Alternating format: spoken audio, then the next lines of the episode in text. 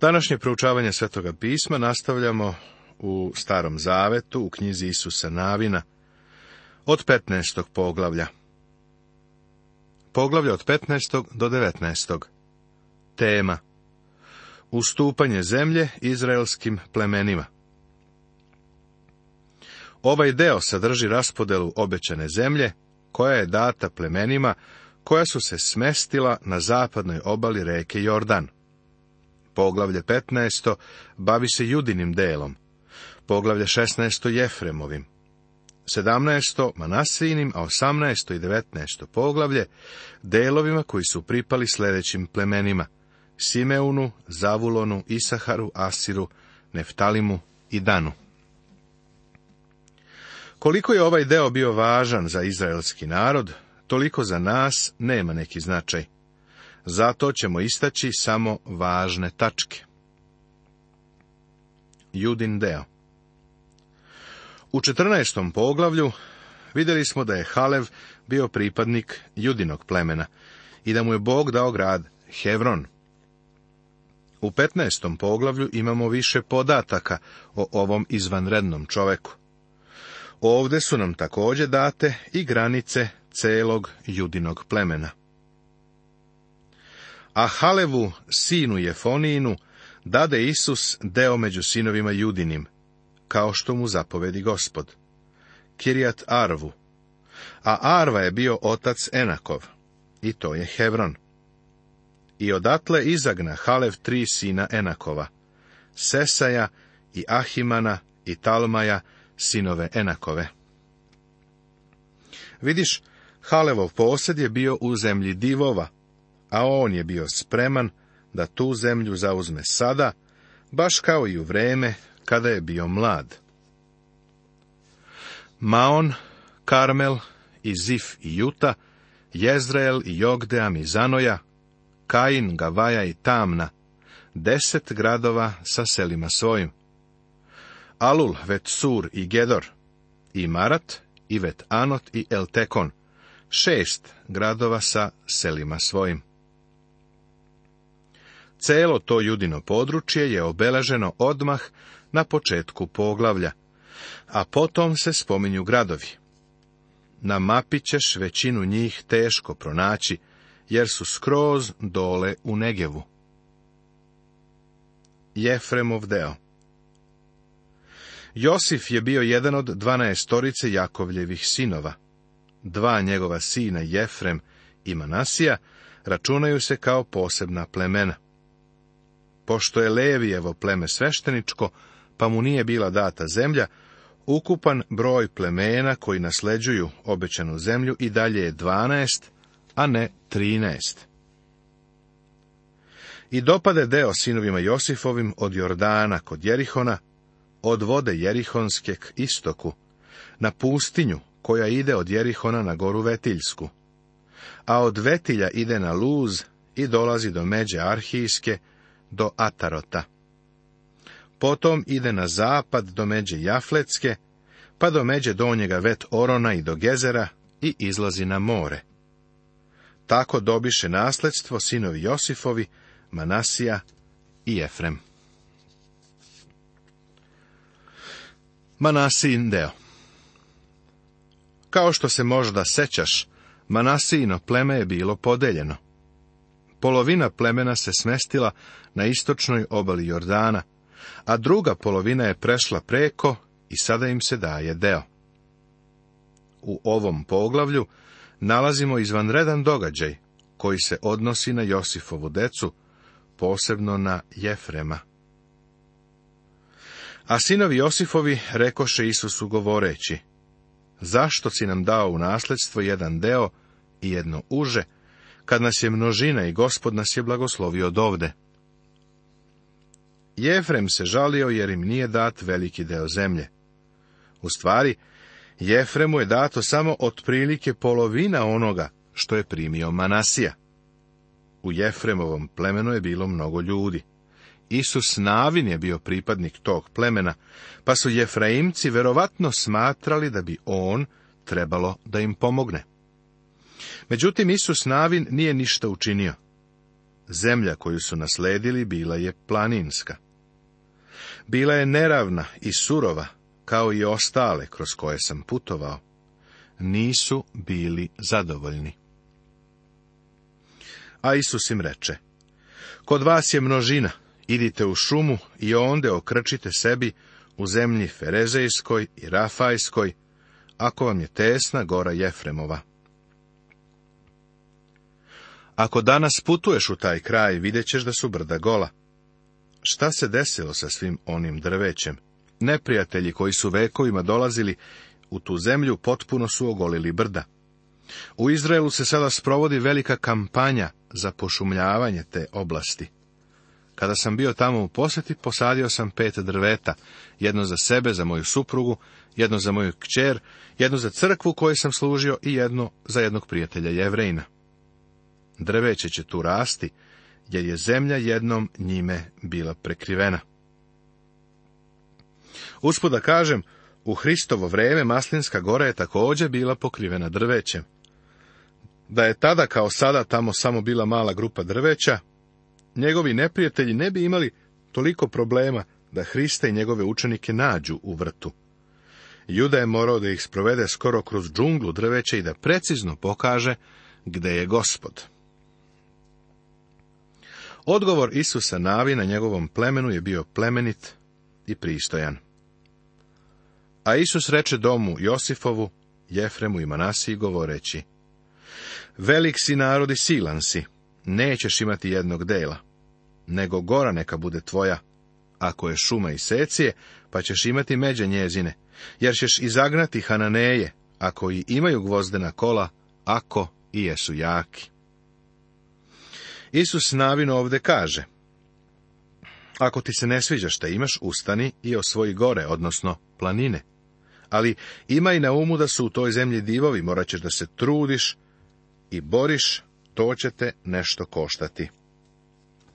Vreme je znači da prestanemo da se žalimo i da zauzmemo više zemlje. Jedan veliki propovednik iz Njujorka, jednom prilikom je otišao u severni deo države New York u Americi na godišnji odmor. U nedelju je otišao u crkvu, u malom živopisnom gradu. Na njegovo zaprepašćenje mladi pastir te crkve je propovedao skoro doslovno jedno od njegovih štampanih propovedi. Kad je mladi čovek sišao sa govornice, propovedaonice, pozdravljao se sa narodom na vratima, pastir koji je došao u posjetu se rukovo s njim i zapitao ga, Mladiću, uživao sam u jutrašnjoj propovedi, koliko vam je trebalo da je spremite? O, otprilike tri sata, rekao je. Baš neobično reče poznati propovednik, meni je bilo potrebno dobrih osam sati. Potrebno je vreme da bi se primili duhovni blagoslovi i posedi. Pre mnogo godina jedan moj student je stupio u aktivnu službu. U crkvi je služio oko tri godine, a onda je došao da me poseti. Bio je potresen. Rekao je da je ispropovedao sve što je imao. Pitao sam ga koliko vremena provodi u proučavanju i koliko mu je potrebno da pripremi propoved. Rekao mi je da u proučavanju ne provodi mnogo vremena, a da mu je za propoved potreban jedan sat. E pa u tome je bio njegov problem. Da bi pripremio propoved, meni je bilo potrebno od 8 do 20 sati. Da bi zauzeo duhovne blagoslove, morat ćeš da se potrudiš. Ali pamti da su tamo i neprijatelji. U toj zemlji su i divovi. Sotona će te prevariti i spotaći, ako uspe. Jedan drugi moj kolega iz škole jednom prilikom se žalio o nekom profesoru na knjigu koju je morao da čita. Tvrdio je da je knjiga suvoparna i dosadna. Pa rekao je profesor, zašto je malo ne natopiš znojem sa svog čela? Ovo je veliki dokaz potrebe za napornim radom. Isus Navin je svom plemenu rekao, nemojte mi dolaziti i žaliti se. Tamo imate dosta zemlje, idite i osvojite je. Šator od sastanka je postavljen u Silomu. I sabra se sav zbor sinova Izraeljevih u silom i onde namestiše šator od sastanka, pošto pokoriše zemlju. Izraelci su šator od sastanka postavili u silom Jefremov grad. Međutim, to nije bilo trajno mesto za šator od sastanka, jer to nije bilo središte zemlje. Bog će preko Davida da izabere trajno sedište, a to će jednoga dana postati Jerusalim. Ali dok se mesto ne promeni, Izraelci su gospoda slavili na silomu. Šator od sastanka je na silomu kroz celo doba sudija. Podela preostale zemlje Sada Isus Navin upućuje izazov. Ali još beše sinova Izraeljevih svih sedam plemena, kojima ne bi dato nasledstvo. I Isus reče sinovima Izraeljevim, dokle ćete oklevati, te ne idete i uzmete zemlju, koju vam je dao gospod Bog, otaca vaših. Sedam plemena je stajalo unaokolo sa rukama u džepovima. u navinu su rekli, šta je sa ovom zemljom, šta ćeš nam dati? Isus navin je rekao, već vam je data određena oblast. Idite i zauzmite svoju zemlju. Koliko ćete još čekati?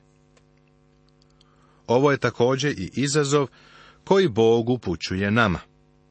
On nam je omogućio sve duhovne blagoslove, ali smo mi slabi i nemarni kada dođe do trenutka da ih uzmemo. Bog nam je bio tako dobar. O, koliko možemo da mu zahvaljujemo za blagodat, ljubav, dobrotu i milost kako je divan. Zašto se ne pokrenemo i ne zauzmemo zemlju koju nam je dao? Nakon ovog izazova, plemena su počela da se pokreću i zauzimaju zemlju koja im je bila određena. Venijaminov deo Venijaminovo pleme je svoje nasledstvo primilo između judine zemlje i zemlje Jefremovog i Danovog plemena. Simeunov deo. Od dela sinova judinih dopade nasledstvo sinovima Simeunovim, jer deo sinova judinih beše velik za njih. Zato sinovi Simeunovi dobiše nasledstvo na njihovom nasledstvu. Kao što smo vidjeli u 15. poglavlju, judinom plemenu je data izvesna povlastica, jer je to carsko pleme. U tom plemenu će se osnovati glavni grad celog naroda, politički i religiozni. Jerusalim će postati glavni grad, a mi ćemo vidjeti da je David napravio taj izbor. Pošto je zemlja koja je data judi bila više nego što im je bilo potrebno, južni deo je dat Simeunu. Zavulonov, Isaharov, Asirov, Neftalimov i Danov deo. Zavulonovo pleme je primilo deo zemlje koja je bila locirana u nižim delovima Galileje. Isaharovo nasleđe se protezalo od planine Tabor na zapadu do južnog dela Galilejskog mora. Također je sadržavalo teritoriju u priobalnom delu, sa zapadne strane gore Karmel, do otprilike Tira i Sidona – Neftalimovo pleme je bilo smešteno u oblasti istočne gornje i donje Galileje. Danova teritorija se nalazila između Venijamina i Mediteranskog mora. Kasnije su neki pripadnici ovog plemena migrirali severno i naselili se blizu severnog dela Neftalima. Ovaj deo nam pokazuje koliko mnogo detalja je Bog dao u vezi sa Izraelom i zemljom. Zemlje i narod idu zajedno. Ne samo da im je Bog dao zemlju Hanan, nego je određenim plemenima dao određene oblasti. Svakom plemenu je dao jedan deo zemlje. Bog se starao za svakog pojedinca i njegovo imanje. U svemu ovome Bog nam danas daje pouku. U toj pouci se kaže da je Bog zainteresovan za naš lični život. Prijatelju, tvoj privatni život za njega nije privatni. Poznajete kao knjigu. Jedan prilično bezbožan komšija mi je jednom prilikom rekao, želeo bih da odem negde u pustinju gde bi bio sam i daleko od svih. Pa to je normalna želja. Svima nam je ponekad potrebno da se odvojimo od ljudi. Ali podsjetio sam ga a mislim da mu se to nije svidelo, da od Boga ne bi mogao da ode. Rekao sam mu, brate, od njega ne možeš pobeći. On će biti tamo u pustinji i čekat ćete. Prijatelju, divno je ponekad pobeći od ljudi ako bežimo u zajedništvo sa gospodom. Isus Navin prima poseban deo. A kad podeliše zemlju po međama njezinim, dadoše sinovi Izraeljevi nasledstvo Isusu, sinu Navinu, među sobom. Po zapovesti gospodnjoj dadoše mu grad koji zaiska. Tam na carahu gori Jefremovoj, a on sagradi grad i naseli se u njemu. To su nasledstva koja Eleazar sveštenik i Isus sin Navin i glavari porodice otačkih u plemenima sinova Izraeljevih podeliše ždrebom, u silomu pred gospodom na vratima šatora od sastanka i tako podeliše zemlju. Možda ćeš pomisliti da, pošto je Isus Navin bio Božiji čovek, pošto je uspešno Izraelce vodio protiv Hananaca i pošto je pobedio, da će mu Izraelci reći da izabere neki deo koji on želi i da se tu smesti. Ali to se nije dogodilo. Izraelci mu nisu ponudili mesto da bira, gde će se skrasiti. Isus Navin je sam izabrao. Bilo je to mesto koje se zvalo Tamnat Sarah. Nalazilo se oko 16 km od Siloma. Bilo je to pusto zemljište i jedno od najgorih mesta koje je Isus Navin mogao izabrati. Ovo me podsjeća na Avraama i Lota, kada su se vratili u Egipat. Avraam je rekao Lotu, izaberi deo koji želiš, a ja ću uzeti ono što ostane. Lot je uzeo najbolje, a Avraama je ostavio na cedilu. U ovom događaju vidimo karakter ovih ljudi. Isus navin je izabrao zemlju koja je bila slična pustinji. Ovo je zaista otkrivenje u njegovom karakteru također nam otkriva nešto o Izraelcima. Bili su savršeno spremni da puste da ovaj čovjek Boži u nasljedstvo primi pusti mali deo. Po mom mišljenju, isto tako je sramotno gledati kako crkva ili neka hrišćanska organizacija u kojoj su služili verni radnici, dozvoli da oni ostare bez ikakvog ugovora o penziji. Hladnokrvne poslovne korporacije brinu za svoje zaposlene kada se ovi penzionišu, a Boži narod često to ne čini. Poglavlje 20. Tema Gradovi utočišta Gradovi utočišta pred nas iznose jedan živi prikaz koji u sebi sadrži izvanrednu pouku za nas. Bog je Izraelcima dao zapovest u vezi sa odvajanjem i izborom gradova utočišta. Zanimljivo je da mnoga plemena i primitivni narodi imaju ovo isto. Očigledno se ovo proširilo na celo čovečanstvo. Gradovi utočišta su služili kao zaštita za one ljude koji su slučajno izvršili ubijstvo.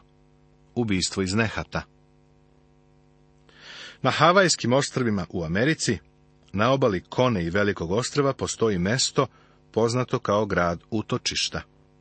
Bilo je u funkciji još u staro doba, pre nego što je hrišćanstvo stiglo na ova ostrava, kada su se plemena međusobno ubijala, pa čak i prinosila ljudske žrtve. Danas je to turistička atrakcija. Božija zapovest za uspostavljanje gradova utočišta prvi put je data u drugoj knjizi Mojsijevoj u 21. poglavlju u 13. stihu.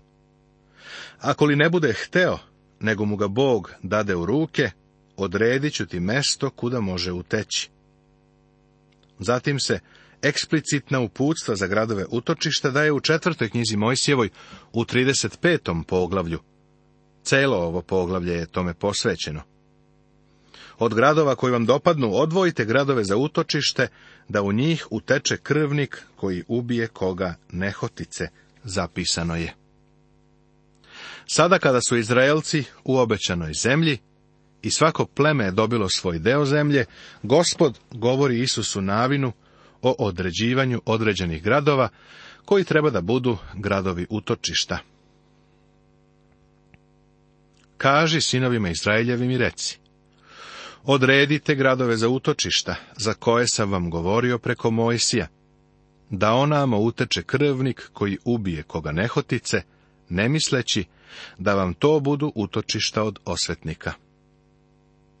Ako je jedan čovek ubio drugog, u pitanje je jedna od ove dve stvari, slučajni ubica ili ubica sa predumišljajem.